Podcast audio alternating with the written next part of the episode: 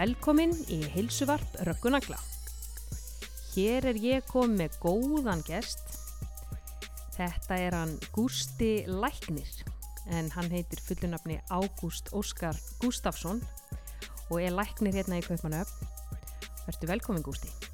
Takk fyrir það og til hamingi með nýja hlaðvarpið. Já, þakkaði fyrir. Það var þá aldrei að maður er í hlaðvarpari. Það kemur á fyrirlskarona. En það er svona, maður, engin veit æfina fyrir en öll er. Um, ég fengi því hérna til mín því að ég hef mikið áhuga á öllu því sem þú ert að gera. Þú ert maður með marga hatta. Þú ert náttúrulega ekki bara læknir, þú ert uh, þryggjabarnafaðir, þú ert eiginmaður, þú ert tónlistamaður og síðan ertu bókaútgefandi, þú ert brandarakall. Getur þú sagt okkar aðeins frá sjálfum þér? Já, um, já, ég er eh, sem sagt uh, 43 ára gammal og starfa sem heimilisleiknir í Kaupanöfn og um, er búin að vera læknir síðan hef útskrifast 2005 Þú lærðir hér í, í Danmörku. Já, lærði í Danmarku og ég hef, svona farið fór aðeins öfuleið lærði í grunnnámi hérna og svo fluttu við heim. Og við tók sem sagt sérnámi heima á Íslandi. Já, nú flesti sem gera þetta með þinsegin. nákvæmlega sko. En síðan hérna var ég vakinn eitt sundarsmorgun fyrir fjó, rúmum fjórum árun síðan Hmm. að þá spurði kona mín mig hvort ég vildi koma með til kaupanamnara því hún var búin að finna nám sem er langaði Já, þannig að þannig endur við hér aftur aftur, aftur á, á danska grund. Já, já, Já, við höfum alltaf hugsað lítið Danmörkur og, og hérna hort á Denvars Radio þegar við höfum búið heima og, og elskað einhvern veginn allt sem er, er danst já, já. En, en en þeir eru það þrýfast hérna ansi vel núna. Já, Já. það gengur vel Já, þú ert komið þín eigin stofu á Vesturbrugðið, er það ekki? Jú. Já, ert þar í samneiti við, við nokkrar, nokkrar yngis megar læknar, öll hvað er þið, fjögur sem eru? já, við erum fjögur saman sem svona rekum heilsugjastluna og svo erum við náttúrulega með já, við erum hátt í tólf tólf þeirra já, svona tólf starf uh, í heldina Já, já. Þannig þeir eru fjóri læknar já, sem eigi svo þetta erum við saman. náttúrulega með námslækna Já. Það eru mismargir á hverjum tíma og svo við náttúrulega reytara og hjúkunarfræðinga Mm Og hvernig er það að að vera með sinni eigin stofu? Herru, það er bara nokkuð góð tilfinning. Já, en ég get alveg sagt að, að fyrsta ári var svolítið mikið stress Já. og, og viðbreyðja því að gí, gífuleg pappisvinna og svo margt að setja sinni að því að þú talar um hérna alltaf þess að hatta. Já, þeim, þeim fjölgaði mér hratt allt innu var í orðin sagt eh, eigandi og samstagsfélagi og síðan er ég húsvörður og ábyrgu fyrir tölvumálum í klíninginni og ímsu öðru. Þannig að höttunum fjölgaði en fækka allan ekki við þessa ákvörun þannig þú bæði Tóti Tölvukall og Þóruður Húsverður. nákvæmlega. Og Gústi Læknir. allt undir sama þæki. Ribbins brotnaði hérna í síðasta mánuði ég var að skipta um peru. Nei, þannig að þá nú hæg heimatökin að- hæg heimatökin. Já, þegar maður rubensbrotnar. En talandum, talandum stress, það er nefnilega það sem mér langaði að tala um við þig í dag. Það er blessu streitan og þú Já. hefur svona svolítið sérhæft þig á því sviði, ekki satt? jú, það er málega að segja í, í tengslu við flutningana til Danmarkur Mm. 2015 að þá þegar ég byrjaði að leysa hérna þá, þá ringdi ekki bara fólki inn Mm. og það var ekkert að skafa af hlutunum Mm. það sagði greinlega bara Ágúst, ég er svo stressaður ég er svo stressuð Mm. ég get bara ekki unni lengur ég verð bara að fá hérna þú verður að skrifa mig Já.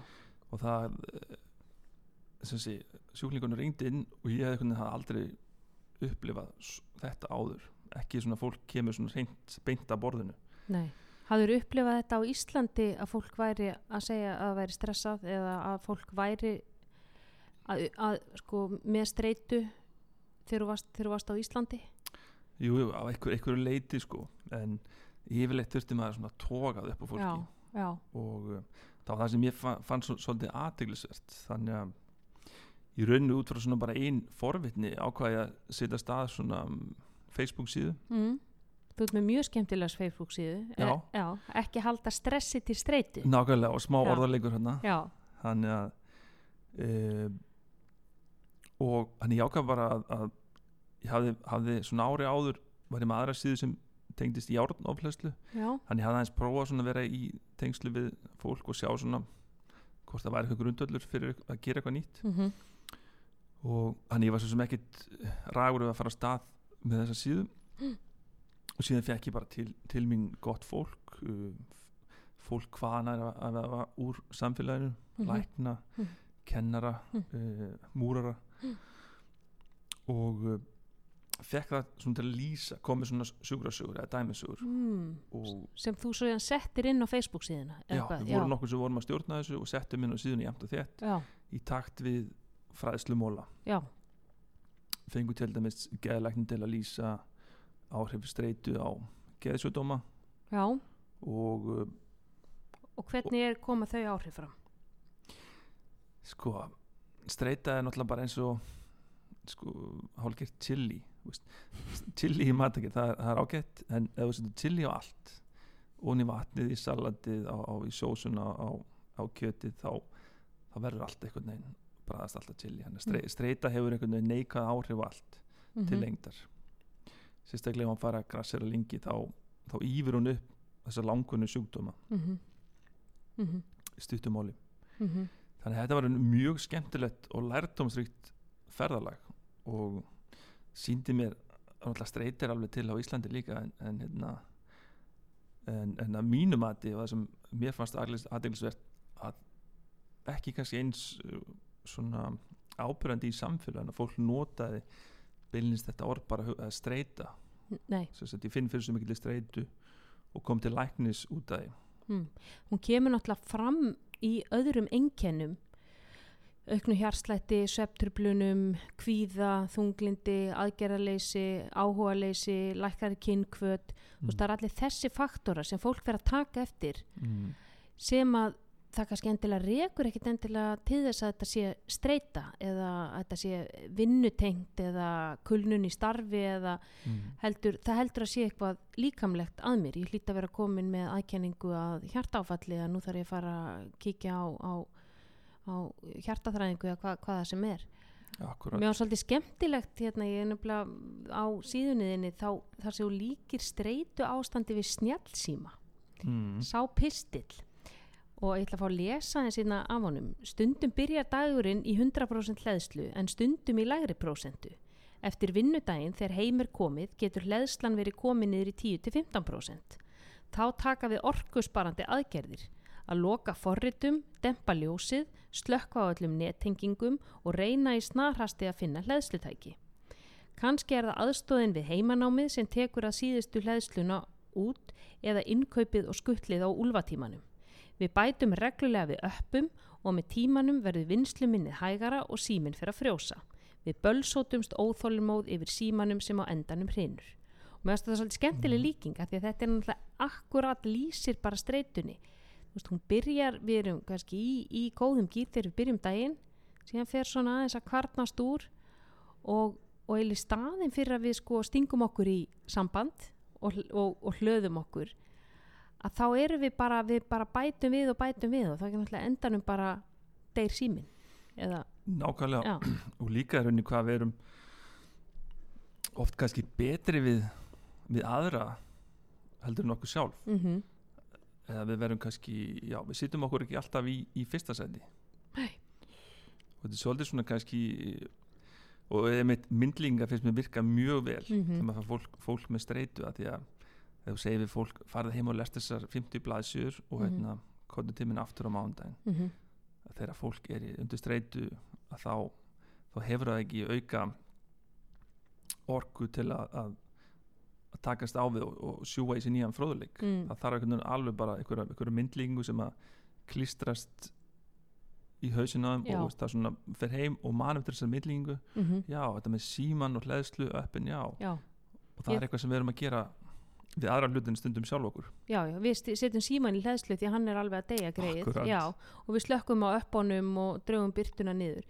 En við förum ekki heim og, og dimmum ljósin og setjumst niður með bók þegar, sem er raunnið það sem við ættum að vera að gera við okkur. Nákvæmlega. Og sama sko myndlíking sem er, er svolítið góð það er sko að þú hugsar ekki um sjálfa þig og setur ekki þig í forgang þig og heilsuna þína þá ert þú ekki stakk búin til þess að aðstofa aðra. Mm. og það er búið auðvelt að segja þetta en ef þú segir við fólk hvað, hvað átt að gera í flugvél þú ert fyrst að setja súrefninsgrímin á Mm. þig áður en að aðstofar aðra. Þú getur ekki aðstofa neitt ef þú nærði ekki andanum. Þannig að sama með streitu ef að þú nærði ekki andanum vegna þess að það er svo mikið af verkefnum það er allt svo yfir þyrmandi þá ert þú ekki að fara að aðstofa neitt þú ert ekki að fara að aðstofa bönni yfir heimanámið þú ert ekki að fara að hjálpa mömmuðinni þú ert ekki að fara að fara út í búð, ekki að fara að vera góðu maki eða þú veist, góð eða móðir fara að elda í klukkutíma. Nei, þá verður það bara allt í einu orðið óeyfisteganlegt verkefni. Já. Og það er þessi litlu hlutur átt sem að fólk tekur eftir að fara að verða opbáslega erfið þegar streitan er farin að ná tökum á okkur. Það er bara það að riksu á stofuna fyrir, fyrir að verða bara eins og sko, skipilegja fundi í saminuðu þjóðunum. Sko. það, það er mynd máli líka það sem er upplifir er eh, sko í rauninu líka þegar, þegar við ég og þú vöknum í morgun þá, þá fengum við 24 tíma inn á okkar reikning fyrir daginn Mhm. Og minnst, þegar maður hugsaður þetta þá er þetta svo í rauninu einfalt ég meina Mozart fekk 24 tíma og, og Beethoven og, og allir þessi kallar en einhvern veginn finnst mann eins og sumir hafi meiri tíma Mhm. en það sem að brenglast er með í streitunni er hvernig við skinnjum tíman Mm. Hvernig, hvernig þá? Getur þú líst í það? Já, ég get alveg komið mjög góða samlingu sem ég nota oft þegar ég útskýr þetta fyrir sjúklingum að segjum bara eins og svo að, að nú sitjum við hérna en þú átt að mæta út á kastrúp eftir þrjá tíma. Mm -hmm. og bara þessi, þessi tilhugsun já, eftir að pakka niður, finna vegabrefið var ekki örgulega klukkan 11 Mm -hmm. ég held að þekki flestir þessa tilhugsun Mhm. að vera á leiðinni út á flugvöld Þannig jú, jú, það er nú svona mm, það er einn af, einn af svona stóru streituvöldunum í, í, í lífi fólks. Næ ég nákvæmlega. Það, þek, það þekkir allir. En hvað gerir svo þegar, þú kemur út á flugvöllin jú, þú sest á einhvern stað, farið kaffi og byrjar að líta á klukkuna. Tíminn hættur að líða. Já, það eru tveir klukkutíma hangdali vélum fyrr Já. og ekkert gerist. Mm en fyrir klukktíma síðan þá fannst tíminn líða alltaf rætt já, og það er unni þegar fólk er undir langun álæði þá er eins og það sé alltaf á leiðin út af Kastrup eða keflækflugvöll það er alltaf, það er alltaf eh, þú, þú ert stöðugt í þessu sko fight or flight ástandi í líkamannum það er alltaf, alltaf í, í streitu ástandi út með adrenalíni í botni mm. kortisóli í botni, noradrenalíni og það er hérna þessi þessi HPA HPA ás eins og við kallum hann uh, sem ég ætla ekki eins og að segja hypothalamic pituitary adrenal axis á ennsku að þegar það kerfi er í stöðugu flæði það er stöðugt verið að seita út þessum streituhormónum þetta er náttúrulega kerfi sem við erum hönnu til að vera í bara nokkra sekundur því að þetta er bara kerfi sem að fer í gang þegar við mætum sko tígristýrinu út á steppunum og bara ætla ég að flýja eða ætla ég að berjast Mm. Hvað ætla ég að, eða ætla ég að frjósa ætla ég að leika með döðan ég þarf að taka ákverðin hérna á bara splitt sekundu, hvað ætla ég að gera Mm. við erum kannski að keira á þessu kerfi í sko allan daginn, marga dagir röð og að sjálfsögðu brennur eitthvað yfir Mm. Ef við, sko, við skoðum bara skoðum bara hvaða áhrif streyta hefur á líkamann ef við segjum til dæmis ef við lest til dæmis, já, blóðuristingur hækkar mm -hmm. blóðsigur hækkar blóðfita eikst í, í uh, magnblóðfitu eikst í, í blóðinu uh, æðar herpast saman til Mhm. innibla og meldingar færa Mm. auki blóðstreymi eikst til, til vöðva og heila um, við svitnum í lóum Jú, við verðum skarpari í, í kollinum fyrstum sinn ónæmiðskerfið styrkist það eru svona kostir og gallar en ef við hugsaum þetta sem er blóðröstingin og blóðfutuna og, og blóðsigurinn og, og insulin viðnamið þá, er, þá þurfum við ekki að vera einhverju geminsindamenn til að segja ok, þetta er kannski ekki gott til lengdar Mhm. en við erum, þessi máli er að, að það er alveg rísa stór bara kapall Mm. bara svona ljósleðari frá heilanum niður í nýrnahettu merkin Mhm. sem seitir adrenalíni beint út í blóðið Mhm. og þetta er bara það frumstætt kerfið í rauninni má, má það ekkert vera flókið þú veist, ef þú mætir þessum, þessu ljóni þá átti ekki að geta átti ekki að fara að hugsa byrju, hvað verður sniðast að gera núna já, ég verður eitthvað að virkja hérna, ætla að vir- virkja nýrna hettumerki Nei, þetta, bara, þetta er svo frumstætt þetta á bara að virka. Já, þetta er bara automatíst það er þessi st stóri ljósleðari sem setur bara alltaf stað strax eins og þú segir, virkar skamt, adrenalín. Og við þek- þekkjum það allavega ef það kemur kannski bíl og flautar á okkur og við ú, kipum til og svo tekur það þrjár fjóra mínútur þá er adrenalín búin að brotna í blóðinu og Mm. við finnum hvernig áhrifin dvína. Já, síðan er, er þessi HPA öksull sem fer líka af stað og hann fer í nýrnahettu börkin mhm, og hann seitir kortisol eða sem við köllum vanlega stresshormón eða Mhm. streituhormón og það hefur svona, tekur aðeins lengri tíma að virka mm. og uh, það getur styrt ónumiskeru fyrst og, Það veikir það síðan eða ekki jú, og hvetur Já. lífrunum til að mynda meiri blóðsykur Mm. og eigur sem sagt insulin viðnám sem er þýðrunni bara að, að blóðsykurinn á erfiðara með að komast út úr æðakerfinu sem sagt vanalega þegar blóðsykur hækkar þá viljum við fá hann út í vöðvana Mhm. með hjálp insulins. En þetta gerir það verkum að það verður erfiðara Mhm, og líka bara til að tryggja heilin fái orku. Mhm.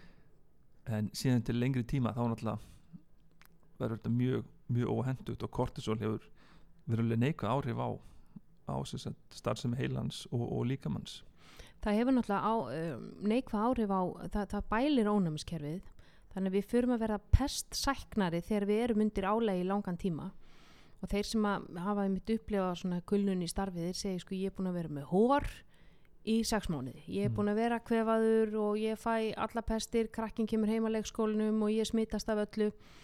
Það er vegna þess að ónæmiskerfið er að berjast fyrir lífi sínu af því að kortisólið er bara svamlandi alla daga mm. í, í skroknum eins og segir að, að öll þessi streituhormón hafa áhrif á alla líkams starfsemina algjörlega sko. Já. og eiga í rauninni bara hafa þessi áhrif í agnar stund Já, það er það sem að sko ég ætla að sé náttúrulega erfitt að þá komum við náttúrulega að því af, hverju, af hverju finna sömið fyrir streitu og af hverju geta mismundir hlutir allt í hennu valdi streitu Já, útskýru það eins af hverju finna sumi fyrir streitu og ekki, ekki aðrir komum við kannski, sko við getum náttúrulega sko fyrir að fyrsta þá náttúrulega streit er ekki, ekki sjúkdómur eða stress. Þetta er eitthvað sem allir finna fyrir. Mm -hmm. en ég hef aldrei farið á elli heimili og það kemur einhver gömul kona og segir Ágúst, ég er svo stressuð. Getur þú gert eitthvað fyrir mig? Það er hef allir ekki- sultu sultuslagir en maður sér svona önnu vandamál þar. Mm. en og ég lasi mynd bara nýjustu tölfræði hérna á henni kom og uh, streita hefur aukist um rúmlega 4% síðustu 7 árin í Danmarku Í Danmörku? Og það var alveg sláandi uh, hjá konum 16-25 ára. Já, um gífuleg aukning, þar er liggur sko tíðinni 40% vá. sem finna fyrir streituengin sko á einhverjum tíma. Að mm. þannig að þetta, er, uh, þetta eikst og við erum náttúrulega líka átt okkur á því við náttúrulega erum í stóru landi í Já, Danmörku já, búa. já, 5 miljónir já, 5 miljonir og en, en, en getur verið þessi kynjamunur á, á því hvað við upplifum streitu eða er kynjamunur á því hver leita sér hjálpar vegna streitu já. Uh, konur líkleri til þess að leita sér aðstöðar heldur en kallar líkleri til að fara til læknis líkleri til að fara til konur, konur eru skinsalegri þegar við erum er- við þurfum ekki að debattera um það það sko. er bara svo leis Já. en, En- en getur líka verið að sé bara mismunur á því hvernig við upplifum streitu, hvernig við Al, algjörlega og það er einmitt þessar þessa bjargir eða, eða úrræði sem við búum yfir. Við, við komum bara úr, úr mismunandi umhverju og erum með mismarga tengivagna hangandi á bakinu okkur. Mm þannig að uh, og það er með, er með til mjög fín kurva sem ég nota mjög oft þegar maður að útskýra streitu sem kallast streitu næmis kurva ok. Og næmi uh, skilst þannig að um, til dæmis orðið fyrir fyrri áföllum einelti, einelti á vinnustad eða því líður í vinnunni eða það er rifrildi við maka það eru langun veikindi í fjölskyldunni þú ert með langunan sjúkdóm fjárhagserfileikar um, þá kemur þú ofar upp þá kemst, ferðu ofar upp á næmiskurunni Mm. sem að þýðirunni að það þarf minnast stress til að velta þér að gera það veikan mm. og það er með það sem að fólk kannski áttar sig ekki alltaf á Mm -hmm. Að því algengasta svari sem fólk segir þegar maður spyr, finnur fyrir streitu það er en býtu, ég hef alltaf verið að gera þetta það er ekkert nýtt, já, en það er kannski bara þetta eina nýja eða já, sem er drópin sem fyllir mælin já. Það, það þarf oft ekki lítið, mi- mikið til þess að velta, velta þessu öllu við. Og eins og segir, ef það hafi verið fyrri áföll þau geta leið í dvala í, í, í skroknum og síðan bara sapnast þetta upp og svo kemur eitthvað eitt sem að tippa þeir yfir. Algjörlega. Mm. og rauninni ef við erum ekki með neina tengivagna þá, þá kannski þólum við meiri, meiri streitu. Já, en síðan náttúrulega kemur inn veist, þessi utanakomandi streita sem er jólastressið. Mm finna pakka handa frúnni og já, já, það er nú það er nú eitt bara streituvaldur fyrir, út af fyrir sig. Já. og hérna breytingar í umhverfi eða, eða vinnustað eða eitthvað álíka. Mm það er þetta utanakomandi og síðan er náttúrulega þessi innri streita veist, og það er þá, þá kemur kannski til dæmis fullkonur árátta, Mhm. þörf fyrir að hafa stjórn -hmm. lítið sjálfsálit eða Já. sjálfströst þá koma sálfræðilegu þá þættinir inn einhver ósveganleiki mm -hmm. uh, þverramóskaði neikvæðni Mhm. svartsinni og í rauninni, mér finnst það svona mesta áskorun í allan mínu starfi að ef við, ef við horfum mjög, mjög kalt yfir þetta þá er þá er ekkit uh, sko margir geðsjúdóma til í rauninni það sem gerir þetta spennandi að mér finnst og svona áskorun að það er einmitt að komast að kynnast viðkomandi einstakling betur mm. Að, og það er líka líkillin í að ná bata að ef þú horfur bara á streytuengin og tala bara um stress þá kemst ekkert áfram sko. Nei, þú þarft náttúrulega aðstofa viðkomandi líka í því hvernig túlkar hann streitu, hvernig túlkar hann aðstæður, hver er hans viðbrögð við, við streitu og svo tölum um áðan, sko tveir einstaklingar geta lent í sama sömu aðstæðum, Mm. en þeir bregðast við á tvo mismunandi hátt. Og ég tek oft svona dæmi í mínu starfi. Þú veist, nú ætla vinn ég mikið eftir hugrætni atfellismeðferð að tveir menn sérst, ég og, og Siggi vinnu minn við löpum við bankastræti og mætum hundi. Og, og það sem mín viðbröð eru strax bara eh, hræðsla, ótti fer bak við bíl hugsa þetta er stórhættulegur hundur hann eftir að býta mig til blóð sem mér eftir að blæða út hinn í bankastrætinu en Siggi lappar að honum og hugsaðar heyrðubýtu er þetta ekki blendingi af Golden Retriever og Labrador og klappar honum og, og, og þú veist, það er bara forvitin og þú veist, hann líkur ekki eh, hálf, hálfur undir bíl einhver staðar eh, hálf hlandblöytur af hræðslu. Þannig að hvað, hvaða, hvaða farangur við komum Mm. með inn í hverjar aðstæður það, er, það skiptir máli algjörlega Já, og, og, einmitt, og hvernig bregðustu við Mm. það skiptir máli, en hversu djúft fer, þú veist, nú náttúrulega sálfræðingar fara mikið í sko, hvernig hugsanir hafa áhrif á tilfinningar sem hafa áhrif á hegðun sem hefur áhrif á líkamlenginni mm. það er þessi hugrætni, hugrætni eh, demantur sem við köllum Hva, hversu mikið farið þið þangað? ég held að það sé sko það er rosalega mikið talað með þetta hérna og ég er búin að fara á nokkuð námskeið og er, er líka við erum er hópur heimilislækna undir svona hand, handleðslu Já, sem eru það er held ég svona 40% heimilislækna í Danmörku fyrir reglulega í er hjá sálfræðingi þá eða? e, já, sálfræðingi, reyndum heimilislækni eða geðlækni Mm.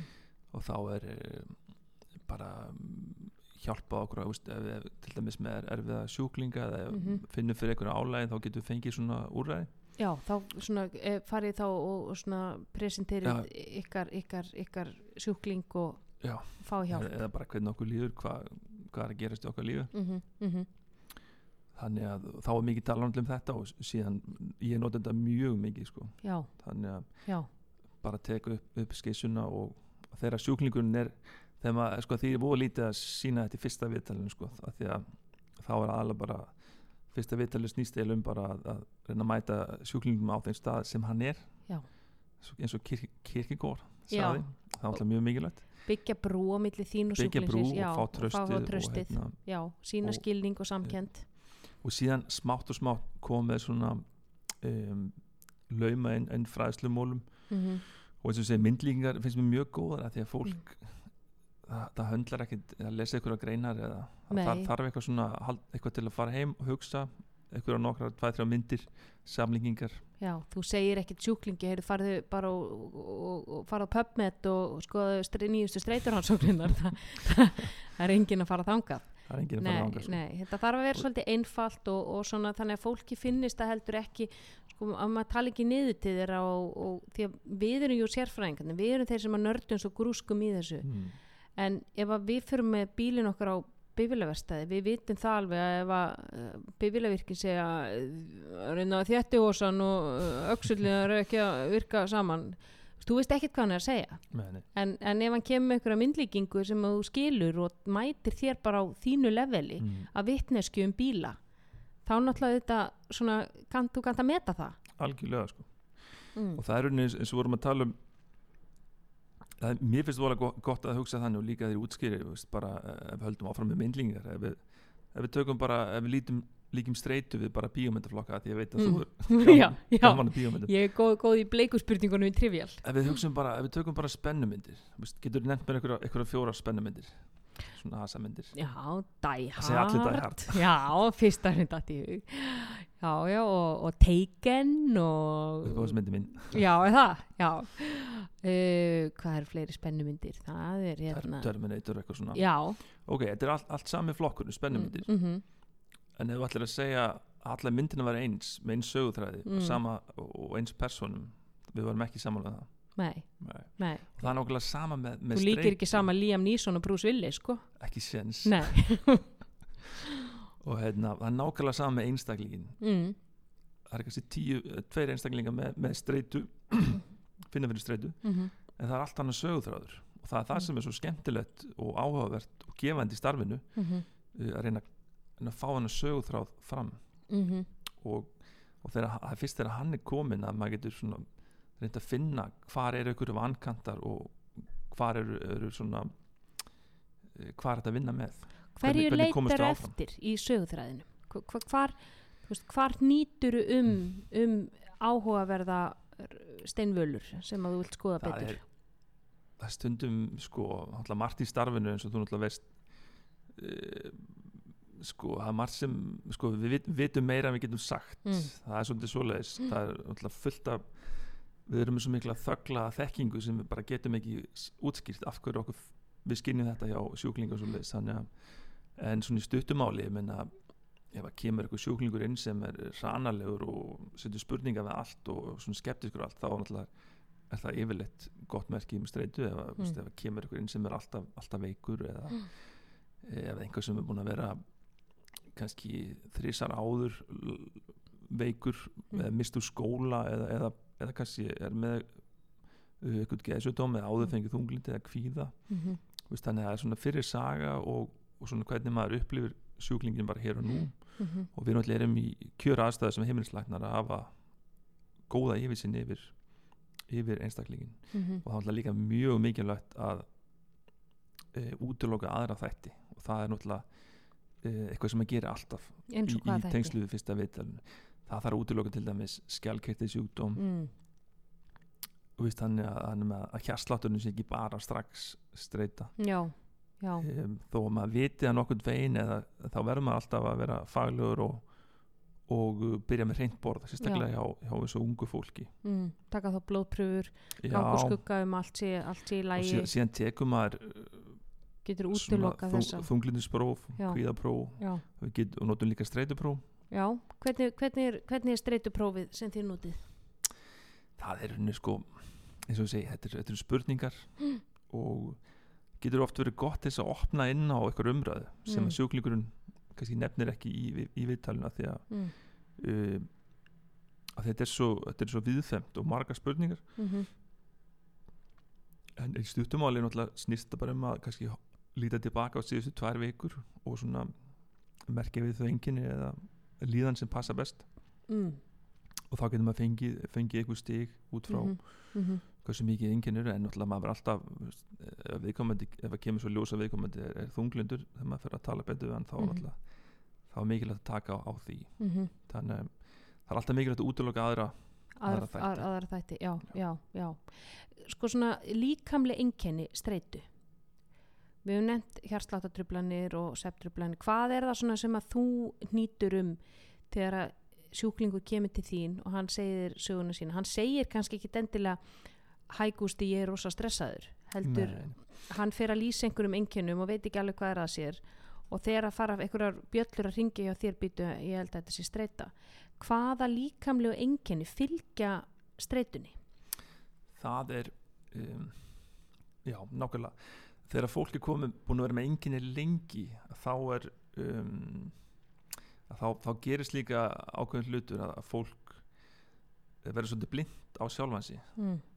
og eða þessi hæfileiki að finna finna hvernig, hvernig líður í líkamann með hvernig, hvernig hefur það núna í dag. Missi tengslin við missi líkamann tengsl já, já, já, uh, og það er oftar en ekki sem að fær fólk sem kemur vegna vöðabólgu eða verkja, bakverkja eða svona, þessi svona vöðvaverkir og síðan alltaf bara ég veist, ég var með eina, eina mandreitni konur sem var uh, mjög eftirmjöluleg var með liðagikt og var Mm. búin að fá lúnabólgu mm, tvisar bara alla mm. bara öll ár aftur, bara 5-6 ára til tíman alltaf tvisar ári bara Lúnabólgu. alltaf þannig að ónæmiskerfi á henni var bara í lamasessi já, já, og síðan bara fór hún gegnum bara prógram og bæðið mér og sálfræðingi.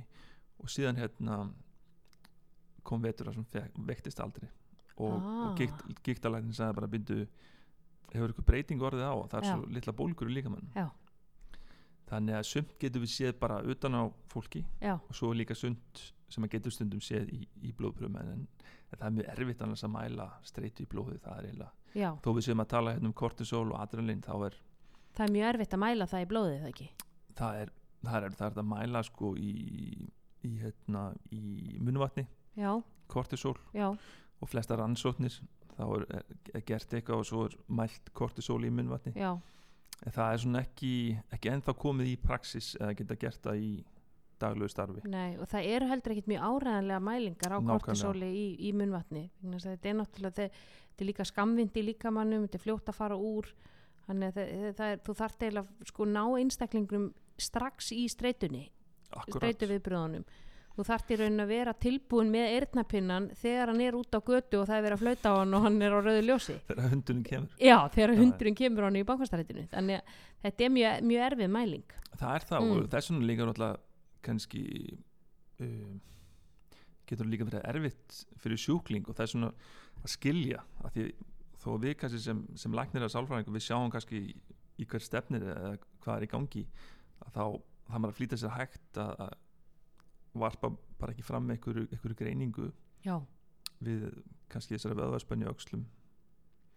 Þannig að Já. fyrst aðeins að kynast sjúklingum það er mikilvægt. Já, og svo reyna að fá hann til að sjá sjá það sjálfan. Já, ef hann sér það sjálfur hjálpa honum til að, til að finna það sjálfur já. það er unnið besta. En þú nefnir sko vöðvarspennu og, og, og hjartsláttar trublanir og, og fólk er svona að fá lúnabólgu og fá pestir mikið. Ég verði pestsæki, það er Pest- mista rosa það er mjög algengt.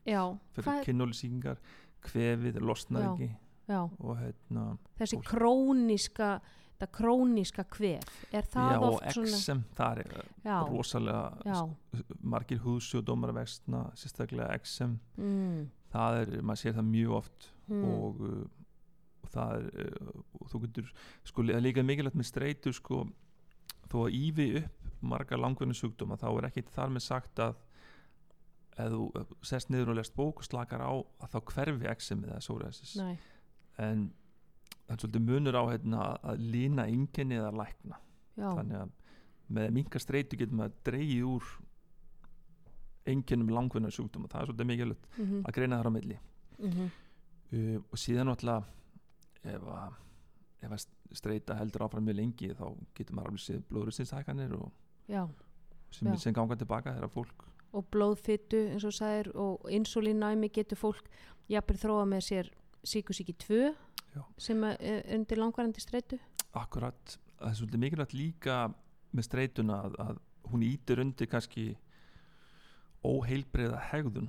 Já, við förum svolítið að gúfa í okkur. Já, förum með gúfið við förum í gúfið og nennum ekki ræktina og, Mm. og þú veist, það, það eins og bara það að riksu heima er óyfirstíðanlegt, það getur ímyndað er hvort að það að fara og seifla ketilbjöllu og róa í róðravil það, það verður það, það, það er engin að fara þangað nei, nei. undir mikill í streitu, opbáslega þreita eftir vinnuna og, og hugsa um börnin og heimilið og það hefur bara ekki þennan, umfram þessi umfram batteri til þess að fara í ræktinu og þegar að það dettur út þá náttúrulega fyrir við líka að borða ver og við fyrir að taka verri ákvarðanir í, í matarvali og fyrir að hugsa bara verri um okkur hversu Akkúrat. mikið uh, svona ráðlegur þú þínum sjúklingum varðandi mataræði, reyfingu hversu mikið fara læknar inn á þá braut ég held að sé mjög einstaklisbundi um, hvað gerir þú? mín, mín svona mín nálkunni í læknisæði það er um, að vera svolítið ánlefja Mm -hmm. skoða lífstíl og ég er náttúrulega býð sjúklingum upp á eftirfylgd og fræðslu Mhm. en, en ég legg það alltaf upp með að það geti f- líka farið til sálfræðings eða Mhm. farið til næringarafgjafa eða Mhm. mm. Senda áfram í úr, úrræði tengt sveitafélaginu mm, þannig er unni alltaf, það er alltaf val. Já, ferð þú talar þú um heilsuhegðun við á svona eða- algjörlega. Já, ferðu inn á ráðleggingar um betra mataræði, skoðar með þeim hvað þið borða, þú veist, haldaði Al, matadagbók eða- algjörlega. Já, og það er mjög, mjög skemmtilegt. Ég fekk talað um matadagbók um, og það er ég, þegar maður er heimilislæknir þá verður maður að maður verður að með einfalda og praktíska hluti Vist, við, við, við sjáum mikið af sjúklingum mm, kannski höfum ekki langan tíma alltaf mm. það verður að vera eitthvað sem virkar og, hérna, og ég, svolítið vakumpakkaða lausnir já veist, ég meina maður fær fullt af upplýsingum með að mæla blóðrýsting eða mæla Mhm. blóðsigur eða, Mhm. eða kolla, kolla, það er svo mikið að taka hjartalínur þetta er Mhm. ekki, ekki dýrustur ansvöndinu sko mm -hmm. og tala við sjúklingin það alltaf bara stærsti hlutin en matadagbók notaði mikið og uh, einu sinni fekk ég matadagbók tilbaka sem voru útbrentaða ljósmyndir af öllum máltíðunum. Nei, og þar komi ljós að uh, viðkomandi borðaði 15 flöðubólur á dag. Ha? Þannig að segi, það kom ekki fram í, í samtalin en eins og með uh, sálfræðiprófun uh, og þá getur þetta oft opnað einhver umræðu sem ekki Já. kemur fram. Já 15 En- flöðubólur á dag og, og maður, maður spyr sig sko hvar er það, er það ekki einhvers konar bjargráð hjá viðkomandi Jú, jú. í streitu að, förum ekki nána til það nei, en síðan náttúrulega í, í Kaupanöfn sem er, er sem ég veist skemmtilegt og eigur svolítið fjölbreytnina, það er náttúrulega þessi fjölmenning Já. það s- sest í stólinu hjá mér Ítali, Dani, Íslendingur, Normaður. Sví Pakistani, uh, Kynveri, Japani já og hvernig, Og, hvernig er hvernig upplifuru eins og til dæmis mi- munur á streitu milli, þjóð, milli sko svona kultúrískra hópa? Hver, hvernig, það er bara gott dæmi hvernig er sko. þessi menningarlegi munur? Hvernig kemur hvernig Sko- kemur streitan fram og, og eru ykkur hópar sem eru minna útsetti fyrir streitu? Þetta er náttúrulega þetta er stór spurning og ég get náttúrulega bara svara nút frá því sem ég já, en, en bara sem dæmi skilur ég ég var með ítalskan kokk um daginn Mm. og það tók það tók cirka tvö ár fyrir hann bara að setja sig við að hann, hann væri undir álægi ah. fram að því var hann búin að fara, mía fara Já. ansi oft ég veit ekki hversu oft hann búin að fara á ráðmöndöku og mm.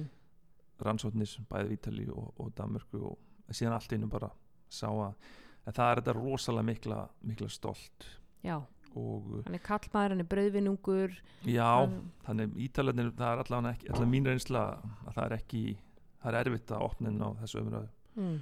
og eins á mörgum öðrum þjóðum sko en, en, en svíjar og normin og danir það er, það er mjög öðvöld Já, bara- ég held að það sé líka umræðan. Nú til dæmis er, þú veist, þetta að gå niður með stress sem er náttúrulega bara, eh, bara danska heitið við kulnun í starfi sem að, sem að ég hafi aldrei heyrt um þetta fyrirbæri fyrir en ég flutti hingað og ég var bruglega búin að búa hérna í 2-3 ár þegar ég heyrði þetta í fyrsta skipti. mm. Þetta er náttúrulega ekki mjög gamalt, þetta er kannski svona 2010-11 sem að ég heyri þetta fyrst hér og þá sérst heyri ég það, það er einhver sem að segir já, nei, hann kemur ekki við til vinnu því að hann er, hann er góð niður með stress og góð, góð niður með stress, hvað meinar ég? Og hann er síumeld, hann er veikindan í veikindalefi hann veikindalefi út á streitu. Og þú veist, og, og, og Íslendingur í mér hugsa bara hvað hva landeiða er þetta eiginlega, ég meina mæti maður ekki vinnu? Maður bara gyrði sér í brók og, og stendur sína plikt bara og hann hefur kent bæti bara nýju tengivagnin við og Já, já, sko. já, já, þú bara heldur áfram bara og, og þurkar horrið úr nösinni, sko. Ég með maður mætti vinnu veikur, sko. Þa- Þannig er bara íslenska mentalitetið. Þú, þú, þú, við erum alltaf að berjast. Uh, hvað ætli sé? Eitt ár síðan að kulnun í starfi var, var bara orð sem að fólk sko bara gat þekkt eða sérst, maður gat bara átt samræður um mm. e, þannig að, að Danir og, og Svíjar og, og Normen eru bara komni miklu lengra með þetta og þetta er orðið miklu opnara það er orðið viðurkendara, þetta er orðið viðurkendari vandi, það er orðið auðveldar að tala um þetta, það er meiri skilningur, þetta er ekki tabú. Uh, og þannig að þeir eru óhrættir við að segja, heyrðu, nú er þetta bara orðið á mikið, nú þarf ég bara að kvíla mig, stinga mér í samband og hlaða batterín. akkurat. Já, og það er sko mjög gaman að spá í það já, Hva, hvað veldur því. Og rauninni ekkit eitthvað eitt svar en mér finnst mjög gaman að, að fylgjast með dönsku samfélagi og fylgjast með krökkunum. Uh, já, þrjú börn og yngsti strákurinn var um, hvað, fimm áraðu flutum Mm. og svo úlinga þannig að það er mjög gaman að fylgjast með fóreldrum og svona hvernig, hvernig fólk tala við börnin sín og, og það sem mér, mér, mér fundist ábyrrandi er að það er alltaf verið að spyrja krakkan krakkan til dæmis uh, hvernig finnst þér, viltu þetta mm hvernig líður með þetta -hmm. Þú veist, það er ekki hérna já, og ef, ef einhver spyr um hvort að strákur minn vill leika með einhverju þá, þá er allast þess að, yngsti strákur minn fái sagt eitthvað um það að segja skilur, Já. og, maður, og svo er maður bara komin og þá maður var ekki að spá því áður maður segir bara, herru, já, já, hann er til í það maður Já, en núna bara, viltu leika við þennan, já, skilur já. Nei, Hvernig ok. líður þér með Já. þessum? Já, þetta, þetta, er, þetta er eitthvað sem að, maður tók eftir líka hérna í náminu. Uh, Hún fór í Kantsuk hérna í, í Köpunamnaháskóla og kem náttúrulega úr Háskóla Íslands þar sem að við áttum alltaf að sko, vísa í rannsóknir og, Mm. og, og sko, Guð veri með þér ef þú sagðir einhver tíman mér finnst eða ég tel heldur það var bara rannsóknir sína og gögnin sína og síðan var ég að skrifa rítger hér og þá kallar hún mig til sín kennarinn og segir hérna minnst vanta í rítgerina eina þitt álit. Mm. ég sé mitt álit, já, já það vantar að þú, sko, þú segir hvað þér finnist um þetta mál. Og ég vil núna að fara heim og bæti því inn í rítgerinu og ég átti bara erfitt með að bara koma puttunum á liklaborðið og skrifa mér finnst en þetta er það sem þið vilja og þetta er það sem að sé líka í, í, í, í, sko, í námsaðferðunum hér þeir eru alltaf rétt upp hönd og þeir Mm. eru að tala hvað finnst þér og, og, og já mér finnst þetta og, og þeir diskutera alveg þanglega guppa blóði en það er bara vegna að allir hafa eitthvað að segja og þeir eru óhrættir við að láta sitt í ljós og þeir eru óhrættir við að það sem þeir kalla síe fra Mm.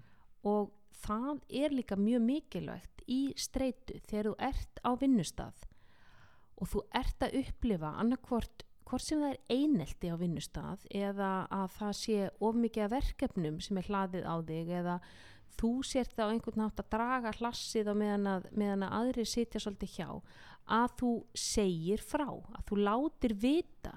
Heyrðu veistu að nú er þetta bara orðið á mikið fyrir mig. Mm. ég er bara hérna bank, bank, bank á hérna skrifstofu yfirmannsins ég bara, ég veldi þessi ekki alveg. Þetta er, þetta er á mikið, þetta er, gæti ég fengið aðstóð gæti ég fengið frí, gæti ég fengið að vinna stittri vinnudag eða stoltið í okkur Íslendingum er bara eins og hjá íta, ítalska kokkinu við erum búin að vera svolítið þar. Ég held að það sé alveg rétt hjá þau sko. ég, ég er einhvern veginn sko eins og segja, erfitt að fullir um svona stórt Mm. mál. En ég held að þetta er hljóti af einhvað að segja og líka náttúrulega í Danmörku er þessi jantiló það er, þú ert ekkert mikilvægur en náðungi við hliðina á þér. Og þú, þú átt ekki að vera reyna að vera eitthvað meira en þú ert sko. Og hérna, eða þykist vera eitthvað. Þannig að þessi jafningja grundvöllur sem endurspeglast líka bara í, í dönsku samfélagi um, að mestuleiti ég held að það hefur líka það er kannski auðveldara þá að segja frá, mm held ég.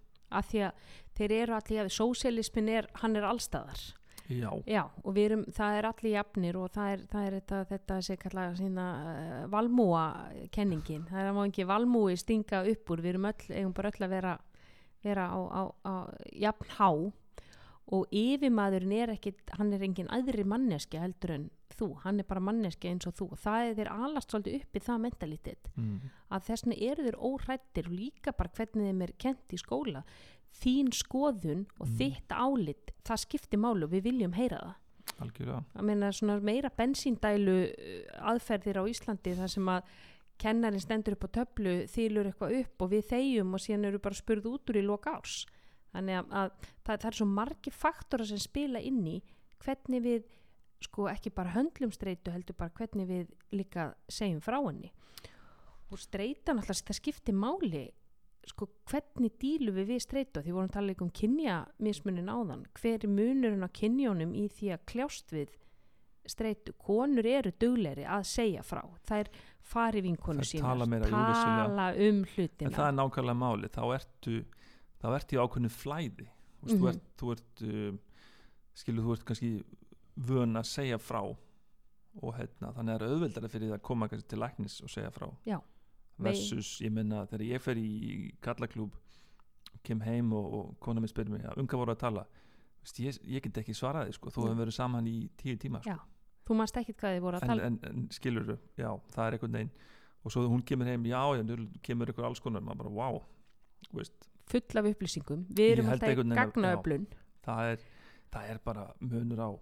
Og uh, þessi einu sem minna konur lifa lengur ég minna, það lifa lengur. Ég, þegar maður fer á elli heimili og hitti frú Jensen eða frú Sigri þá er, þá er hún oftast ein á elli heimili já, þannig að konur lifa lengur. Já, og ge hvað getur skýrt það, getur það verið einmitt að það er minni streita því að það er tala meir um hlutina og, en síðan er reyndar önnu kenning í sálfræðinni, það er þessi rumination kenning, það er svona að rumination er á, á íslensku að jórtra mm. að við sko það að, að vera að tala um vandamálin aftur og aftur og aftur þú veist, kona og kall þau rífast þú tekur aldrei úr uppdöðulinni og, og það verður eitthvað rifrildi og hvað gerir konan hún ríkur beint í síman og ringir í Lóló vinkonu og ringir í mömmu sína og ringir í sýstu sína og kallinn tekur aldrei úr uppdöðulinni og það eru sokkar út um allt og ég er alltaf að ríksuga og ég þarf alltaf að sækja börnin og hann gerir ekki neitt og þetta er algjör ónýtjungur Þú varstu heima á mér í gerð Já, g- gæti verið.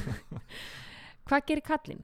Hann fer bara á næsta pöpp og horfa á Liverpool eða þú veist fer og, og, og, og eitthvað og stær eins í, því að Það er eins og að það ef að Leopold tapar það hefur svaðalega áhrif það er mikil áhrif á heimilistíl ég, ég þekki það frá mínu eigin heimili en það er sérstök ánægð þegar Man City United tapar. Ég veit ekki eiginlega hvort er meiri gleði þegar Liverpool vinnur eða United tapar. Það, það er líka eitt talandu gleði. Ég var um að lesa hérna um daginn um um oxytocin eða, eða ástarhormonið Já, mér varst Það mjög áhugavert stóðin á Facebook síðunni það er svolítið svona ef við spáum bara í hvað líkaminn er er ótrúlegur og í rauninni er, er líkaminn oft besti læknirinn. Mm við þurfum ekki að panta tíma hjá hann þurfum bara að gefa hann tíma. -hmm. en vissulega er, er margt sem líkaminn ræður ekki við einn og sér bara svo það sé alveg tæru. Mm en líkamenn er, er stórkostlegt fyrirbæri. Og samtímis um, þegar líkamenn seitir út adrenalíni og kortisóli -hmm. að þá myndar hann líka oxytocin Mm. eða ástarhormón Mm. og það er unni Samtímis? Já, Já, og það er unni sko svona ákveðin dempun svona til að temp, tempra þetta viðbrað mm. og ef við spáum bara hvar við fáum oxytocinið þá fáum við það e, þegar við erum saman með vinnum Mhm. eða föðmum eitthvað mm -hmm. eða gerum eitthvað sem að læta okkur líða vel Mhm. og, um, Það verður sérstök losin þegar við, þegar við, þegar faðmar, faðmar og líka bara þegar við finnum fyrir trösti og okkur er treyst þá komum við svolítið líka inn á þess að vinnustæða menningu mm við sjáum bara, við þurfum ekki að vera gemistamenn til að sjá fyrir okkur eitthvað vinnustæða sem engum er treyst og, og það sem er bara neikvæðni og svarsinni Mhm. og, og viðstu óttast bakdal og, og Mhm. niðurskurður -hmm. það er ekki droslega góð blanda Nei, en síðan ef að þú fer eitthvað staðar og reytarinn bara geistlar af hamingi og er skemmtilegur og bara alveg með þetta skilur, Mhm. maður veit að þessum einstaklinga er treyst mm -hmm. og uh, þannig að það er líka mikilvægt í hvernig við höndlum streitu að ef við finnum fyrir þessum þáttum ef okkur líður vel í vinninni og, og að við líka oxytocin og sem Ættum kannski, að, kannski að, að innleiða það í vinnustæðamenningu að fólk faðmist svona eftir hátegismat og í kaffinu og án gríns og Já. líka bara að treysta. Já, og það er náttúrulega líka eitt að enginn streitu nei, nei, ég treyst engum, ég ger það bara sjálfur. Já, ég ætla að bæta þess að mig. Já, þannig að já það er þessi líkamlega snerting. Hún er náttúrulega óbóðslega mikilvæg bara alveg frá því að við fæðumst þessi geðtengsl sem myndast á milli móður og bars að, að, að, sko, að leggjast á húðina á móður og, og við þurfum þessa eh, þessa snertingu og eins og þú segir þetta losar út oxytocin sem að síðan sko tempra niður hjá okkur streituna og badd sem að er grátandi, þetta er ekkit öðruvísi badd sem að grætur tekur það upp, leggur það og faðmar það þétt upp að þér hvað Mhm. gerist?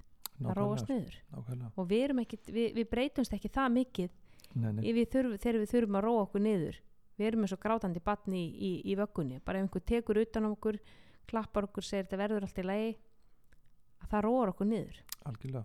Þannig við, það er svo mjög það er svo mörg uh, kerfi og rinni bara þegar við sko þegar við vöknum eða tökumst á við daginn þá, þá þurfum við náttúrulega bara við þurfum bara að hlúa að þessum kerfum sem að bera okkur upp sem manneskjur og Mhm. líkama. Mm -hmm. þannig að það er ótal bara eins og uh, eins og svepp og við spáum bara í þessu heilsu og, og tökum bara samfélagsmiðluna við sjáum myndir af fólki í ræktinni Mm og sjáum myndir af fólki um, félagslega virt út að borða. Mhm. og um, við sjáum það vera með puntaða chia grauta á, á, á Instagram. Já. Mm og, og þau eru með börnin, börnin sín í, í, í Tivoli og já, já, og, og hérna búin að léttast um einhver kíló og bara allir flottir. Mm. En við, það vantar einn mikilvægan þátt sem er mikilvægar í heilsu okkar á samfélagsmiðluna sem er tabú. Og það er svefnin mm það er engin að hérna, posta mynda sem nývagnar eða andvaka meðanótt Nei, en, en 40% af öllum sem koma til heimilislækna eru með svefntrublanir hvað er hænan og hvað er ekkið í svepptröflunum og streitu? Segðu mig það nú Gústi minn. Hvort Það kemur á undan? Ég held að það sé hvað er það langur þáttur? Já, ég er búin að En- taka upp þátt, langan þátt um svepp þannig að, að í, hann í, er undirstaðan fyrir heilsuna í, í stuttumáli er, hversu mikilvægt er að hlúa þessum kerfum sem að bera okkur upp í það er líka bara þessar dægurseflu sem er stað í Mhm. líkamann mm -hmm, að þegar við streituhormonu byrjar að myndast klukkan 6 á mótnana mm og hækka blóðröstingin og blóðsíkurinn og gera okkur klári daginn og svo dvínar það bara með línu á daginn og klukkan 4-5 erum við kannski þreytt. Það er ástæða fyrir að mhm, það verður þessi skipti. Uh, á kvöldin myndast melantónin sem lætur okkur mhm, vera sifjuð og vakstarhormon myndast líka á nóttunni. Mhm, og það er alls konar önnur hormon sem að sveiflast til og frá. Mhm, og það segir sér bara sjálft ef þú fer að sofa fjóra á nóttunni í myrkri og vaknar fjóra degi til í myrkri mhm. það raskast ansi margt. Já, það er eða, eða, þú- vaknar klukkan tvö og, og þá fer kannski kortisóli í gang og mhm. þú ferð að hugsa um deadlineið í vinnunni sem þú átt eftir að ná og, og allar skýslunar sem þú átt eftir að skila og seitur út adrenalín og kortisóli sem heldur þér vakandi og þú líkur andvaka frá 2 til 4 kannski að þér líka þú varst í símanum alveg þannig til þú varst að fara að sofa og senka þér melatónin framleyslunni þannig að akkurat að það er- er ljósin alltaf frá byrtunni, byrtan að Getur- skjánum. Já, eða ef ef þú situr frammi í, eða ert upp í rúmi að lesa með kveikt ljós og, eða horfa sjónvarpa þá þá ertu náttúrulega ekki að hlúa að þessu kerfi sem að Nei. lætur okkur vera sifjuð. Geturu, geturu komið með ráðleggingar, hvað ráðleggur þú þínum skjólstæðingum? Þú veist, við skoðum bara svona þessar heilsu venjur, þessar máttarstólpa heilsunar, hvað ráðleggur þú fólki í mataræði í reyfingu, í svefni í félagslífinu í slökun. Hvað, hvað ráðleggur þú fólki að gera? Við byrjum Í- bara til dæmis að mataræði. Hvað, hvað, hvað ráðleggur þú fólki sem er að kljást með, við streitu? fylg, fylgjast með litlu börnum sem eru lítil li, lit, litlu börnum en, þau fara að sofa á uh, sama tíma og þau eru í rútinu í, í mataræði og eru yfirleitt glöð. Hmm. það gengur vel. Og hvað gerist ef rútina raskast? Þau verða ekki mjög glöð. Nei, en það er bara svona mjög einfalt en það er, það er mjög gott að fylgjast með bara unga börnum fara bara aftur í, í, í unga barnið Já, og fara að sofa sama tíma, vakna sama tíma þú ert með eitthvað rútinu, þú ferði í barnið fer í bað og svo Mhm. er lesin bók mm. svo fer að sofa þessi rútina og það sem er gerist þá að, að við slökum svo mikið á að Mhm. við vitum hvað er að fara að gerast Mhm. ef við erum alltaf að um, breyta til Mhm. og allt í ruggli í, í dægurseflum Mm. að þá raskast líka þessi kerfi líkamann. Mm. Við það þrýfumst á rútínu. Við erum bara rútínu, rútínu það bara verur alveg frá því við fæðumst. Þannig það er, ég legg mest upp á því það er, er bara svefnin. Spyrir fólk hvernig það sefur og, og uh, ef það virkar ef það sefur illa þá reynum við að, að laga það eða hafa fara mikinn- snemma mikinn að sofa líka. Í rauninni ekki það eru margir sem fara snemma að sofa til að innhemta eða ná, ná upp skuldinni. Mm. en það er unni ekki gott það býr yfir til vítaring ok. Þannig þarf að, að hver og einn það bara að finna sinn rytma. Mm. hvað ráleikur Og- fólki að sofa lengi? 7-8 tíma. Já, en við vitum það alveg sumir eru bara orkubolta frá blödu barspenni og þurfa minnisvefn en eru þeir bara ekki búin að venja sig á það nú til dæmis hef ég hlusta mikið á Matthew Walker sem er eitt fremsti svepsærfræðingu breyta og hann segir sjö tímar er bara algjört lámark mm. það er sko 0,0001% af öllum heiminum sem að þrýfst á minna en sjö tíma svefni við flest okkar þurfum svona 8 á halvan Mm. og sko Lebron James, hann til dæmis sefur í 10 til 12 tíma Mm. þannig að sko íþróttamenn, fólk sem er undir miklu álægi þarf oft meiri svepp Alg, algjörlega mm, það er bara mjög mikilvægt eða þú ert Mm. að æfa mikið og, og þegar þú ert undir miklu álægi líkamlega þá ertu líkamlega að bústa þessi kerfi mm og alltaf í no- Starta og algjörlega. Já, mikilvægt, mikilvægt að kvíla sig. Um, en svefnin er allavega uh, mjög mikilvægur. Já. 7-8 tímar er frábært. Já, en svo er alltaf erfitt að fólk sopnar en vaknar með að nótt og oft er þetta náttúrulega einhver undirleikandi orsakir, þunglindi eða Mm. kvíði eða streyta eða tímabundir álag mm eða einhverju önnur vandamál eða rútínan fyrir svefnin ertu mikið í símanum, ertu mikið að horfa sjónvarpið og þannig að það er gott að taka til í því það, það Já, er algjört já. að því að ef þú sefur ekki þá ert ekki með uh, umfram orku til að takast á við nei, bara Það og, og van svefta er við að fjölmarkar rannsóknir verið gerðar og til dæmis sko erum við búin að vera vakandi í 20 tíma mm. þá erum við á, á pari við að vera sko komin í, í ölfunar ástand við erum á, á sama, sama stað. Þannig að við tökum ekkit mjög góðar ákvarðanir hvo- hvort sem það er varandi mataræði eða hvort að við erum með stuttan þráðgagvart makanum eða vinnufélugunum algjörlega sko. Þannig að svefnin er bara alfa omega. Já, en þú segir rútína rútína í mataræði eins og, eins og horfa börnin og, og þá er En- það borða það alltaf á sama tíma á daginn? Sko mataræði ég held að ég er náttúrulega engin, engin sérfræðingur um mataræði en, en með því að gera matadagbók sko eða ef þú ert í ójabæði andlega eða líkamlega þá er mjög gott að byrja að skoða hlutina. Mm -hmm. um, að fylgta fólki sem kannski höndlar alls konar ójabæði Mm eða gerur eitthvað sem maður myndi ekki henda einhverjum öðrum. -hmm.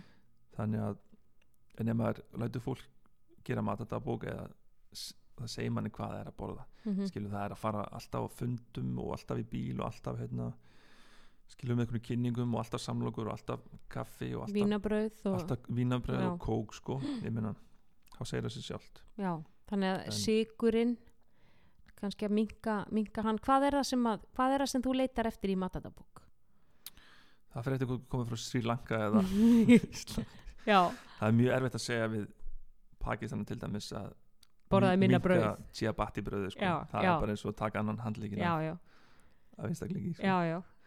En það er, ég er svolítið kólvetni já, já, svona þessi einföldu kolvetni þessi brauð og við vitum það allir, menna, allir sem hafa borðað serjós þeir verða svangir eftir hálftíma já, sko. já, já, já. Það er- bara það bara sig upp og insulínið og allt saman og, þannig að reyna kannski fá uh, viðkomin til að sjá þetta sjálfur það er Mhm. besta mm og það út með matadabók og þá getur farið í gegnum þetta það er volið leðilt að vera eitthvað, eitthvað pretikari sko. ég er Mhm. ekki eitthvað niður þar nei, nei, en, svona og svona reyna kannski opna augun og, og ég ger yfirleitt uh, að því að þú gerir þrjár eða fleiri en tvær breytingar í einu mm, þá veist ekkert hvaða breyting virkar. Nei, nei, nei, nei. ég reyna að finna þessar svona eina, tvær augljósu breytingar Mhm. eins og til dæmis gós eða Mm mikið að vínabröðu sætindum Mm. og svo kannski fæ ég fólk fljótlega í blóðpröfur og þá yfirleitt eru gífulega breytingar. Mm. og þá, þá fæ- finnur fólk þessi áhuga kvöld og vill halda áfram. Og þá eru svo auðvelt að taka næsta sko. já, já, það þarf að Þannig sjá árangurinn svart og hvítu áður en að það sé tilbúið sem farið ekkert einhvern, einhvern mann sem kemur til til að breyta tíu hlutum bara að Nei. bara sko. nei, nei, nei, og hann þarf að fá að sjá það líka breytingan að sé að skila sér. Já, bæði að sjá það og finna það á eigin skinni. Já, já, og við vitum það alveg minna, við vitum öll hvernig okkur líður í magan með við borðum eitthvað óholt versus ef við borðum eitthvað holt já, þannig að líka það ef við erum að borða óholt og erum ekki að finna fyrir þessar góðu settu mm, í langa tíma þá Mm. er náttúrulega maginn tómur. Mhm, og þegar að maginn er tómur og þá hugsar heilin ok, streitu ástand Já. þegar við erum svöng að þá, þá virkjast þetta eðli í okkur að Já. sækja matinn Já. það er, að það er, það er streitu ástand fa fasta er náttúrulega streitu ástand fyrir líkamann Já. En, en hvað eh, sko, að því við vorum að tala um, um HPA öx, öxulin áðan þú veist þessar nýrnahettur sem að seita út kortisóli og adrenalíni og, og þær gera það þegar við erum í föstu ástandi og sko nú tala stundum um það sem heitir nýrnahettu þreita eða adrenal fatigue hvað er áliti læknisins á því? Þegar sko við erum er að tala um að, að við komumst í það ástand þegar við erum í krónískri, krónískri streitu. Það sé alltaf verið nýrnahetnar eru bara stöðugt að dæla út streituhormónum og þá verða þær svona þreyttar og brenna yfir svolítið. Og þá förum við að upplifa þessa síþreitu þess að þetta chronic fatigue og, og förum að, að sko vakna alltaf þreytt og þú veist hvað af þessu er bara sko þegar að tala um sjúklega streitu og það þá sjúkdómsgreiningu sem að núna er komin hvað, hvert er þitt álit á svona nýrnahettu þreitu og chronic fatigue og þetta er náttúrulega ekki viðurkend sjúkdómsheiti ég held, sko, ef maður skoðar sögu streitunar og ef maður les lýsingar frá 19. öld það sem að menn unnu og unnu og komu heim gátt ekki sofið mm. og hérna fóru að hella í sig Mm. áfengi og fóru að ferðast og fóru að gera einhvern veginn streitan bara nærði sér sjálf Mm -hmm. þetta er 1900 sko þetta er Mhm. bara svipað að maður upplifa hérna í, í góðarinn skilur Já. eða alltaf miljón allir út um allt sko Mm -hmm. skrítið en í stuttum áli sagt að þá er þetta er einu bara ég sko mín tólkun er bara svo þetta er svo yfirgrips mikið Mhm. streitan að í gegnum tíðina er hún alltaf að fá eitthvað nöfn mm. skilur Mm uh, og ég held þetta sé bara ennin eitthvað, eitthvað að tólka mm. uh, þreitu og streitu ástand í líkamann Mm uh, ég nota aldrei, aldrei þetta hugtak sko Nei, en í rauninu bara útskýri maður enn ás og, og við eins og við sögum hérna áðan þá höfum við svo litlar það er svo lítið að það mæla þetta. Við getum ekkert mælt þessi kortisol og, og, og nota það uh, í að greina einhverja nýrnaðið þreitu eða eitthvað annað. Nei. En mér finnst þetta bara að vera svolítið enn eitt, nafnið á einhverju sem búin að vera rosalega lengi. Já, og við erum alltaf sem manneskjur að reyna að skilja það. Já, og reyna að kljást við það. En við erum kannski búin að vera að beita sömu aðferðunum í árhundrið það er ekki þenningi munur endilega á bóndanum árið 1900 og bankamanninum árið 2007 þú veist, þeir, þeir díla við þetta á sama hátt. Það sem gerist þannig 1900 veist, það er að um, það verður sko þessi bylting í samfélagin að fara að koma sporvagnar og um, það verður auðveldar að skilur að ferðast það er bara hraðin verður svo meiri í samfélagin mm -hmm. og, og líka náttúrulega bara, bara háaðin mm. og eins og vera í Stórborg eins og maður tala við fólk sem hefur búið í, í Tókjó eða eitthvað, það Mm. er bara allt, allt annað maður þarf að setja sig allt annan gýr til að skilja Mm. eitthvað sem býr í Stórborg í einhverju húsnæði sem er illa einangrað og, Mm. og, og háða að læti allan tíman sko. Mm -hmm. um, þetta stöðuga sko, áreiti ef við skoða söguna þá detta inn alltaf einhver, einhver heiti Já. sem verða vinsæl Já. á ákveðnum tíma já, um, en í Er- rauninni er þetta oft svona reglífa heiti eitthvað undir Já. bara um sama fyrirbæri sem er bara, bara þetta streitu ástand og þessi þetta rauninni- langvarandi álag þar sem við erum með marga bolta á lofti og höfum ekki alveg missum bara yfir sína og algjörlega Já. sko, og eins og sé mikilvægast í þessu er að skilja söguþráðin mm. þú veist, eins og við tölum um áðan við getum sett greiningu á fullt af einstaklingum en við verðum að reyna að mæta þeim á, á þeim stað sem þau eru og skilja mm. söguþráðin Mm.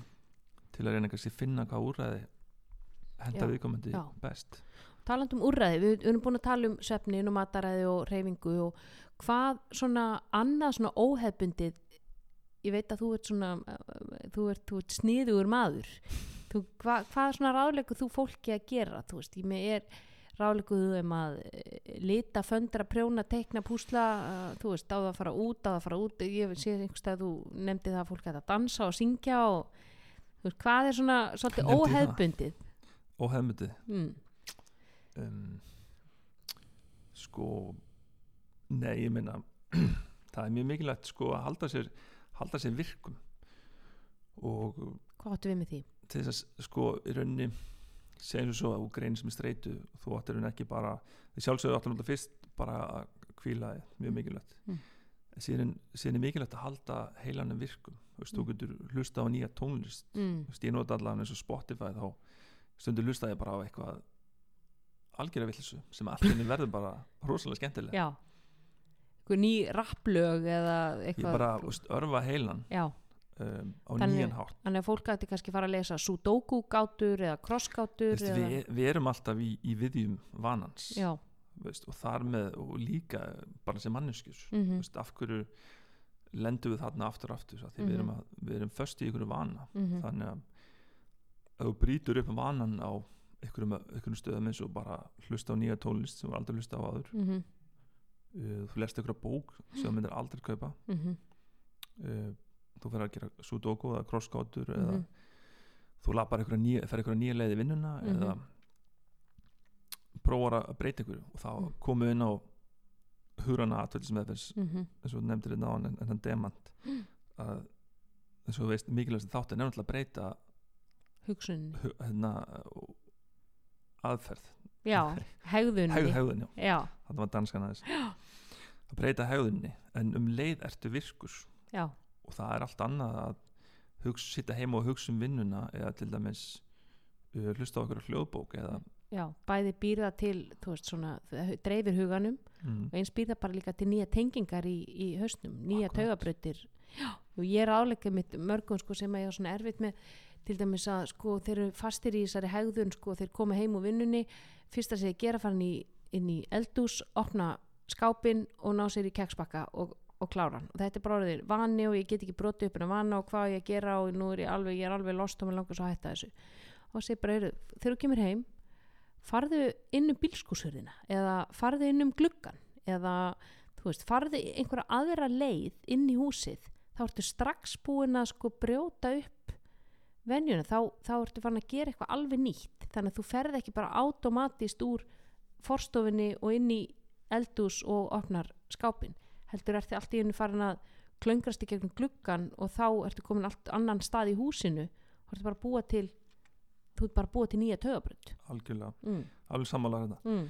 en, en þá er svo mikilvægt líka að finna reyna og, og eitt af því fyrsta sem að ef ég mætti spyrja viðkomandi einstakling einnar spurningar Mm. þá mætti ég spyrja hann hvaða áhámál áttu og hvenar virkjaður síðast þín áhámál Mm og þá kemur yfir til ljós að fólk er ekki að sinna sjálfum sér Nei, það er ekki að setja súrefnisgrímin á sig Nei, nákvæmlega, veistu, og við Mm. fáum svo mikið sko, sjálfströst og, og, og veljiðan dopamin, oxytocin og Mm. serotonin mm. að gera eitthvað sem okkur finnst skemmtilegt Mm -hmm. og, og sama tíma erum við að, að vera virk Já. og líka bara það að vera virkur Já. skiptir rosalega miklu máli Já. og við sjáum bara eins og öll meðferð í dag ég meina hún gengur út á að virkja einstaklingin Mhm. fá hann aftur í gang í Mhm. samfélagið Mhm. setja nýtt tannhjól og, og, eða skiptum tannhjól og Mm. fá tannhjólinn til að snúast Mhm. af því það er bara grunnstóðin í allir heilsu og, veljaðan og eitt af, af sem sem að gefur fólki mest það er að sinna einhverju sjálfbóðastarfi það er að fara út og, og, og standa í súpueldúsi eða vera hjá meðrastyrksnefnd eða löðrandi í já, oxytocin sko.